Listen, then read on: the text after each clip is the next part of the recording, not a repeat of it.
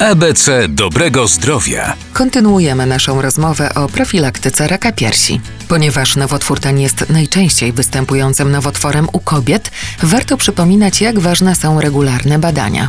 Oprócz pierwotnej profilaktyki nowotworowej, takiej jak ruch czy zdrowa dieta, kobiety mogą wykonać szereg badań przesiewowych. Te badania mogą e, polegać na samobadaniu piersi, bo to jest też e, swego rodzaju badanie przesiewowe. Oczywiście, jeżeli mamy 50 lat i więcej, powinniśmy wykonywać regularnie badanie mammograficzne. I to badanie absolutnie nie zależy od tego, czy wyczuwamy sobie coś w piersiach, czy nie. Badanie mammograficzne jest badaniem, które ma wykryć raka w takim stadium, kiedy on jest jeszcze niewyczuwalny palpacyjnie. Te raki, tak wcześnie wykryte, są wyleczalne nieomalże w 100%. Każda kobieta, nawet 16-17-letnia, powinna rozpocząć samo badanie piersi. Dlatego, że jeżeli ta kobieta w młodym wieku zacznie wykonywać regularnie samo badanie piersi, to ona do tego przywyknie i później to badanie będzie wykonywała. Jeżeli nauczymy się mapy naszych piersi, to wtedy łatwo wyczujemy, że coś jest nie tak i że należy się z tym zgłosić do lekarza.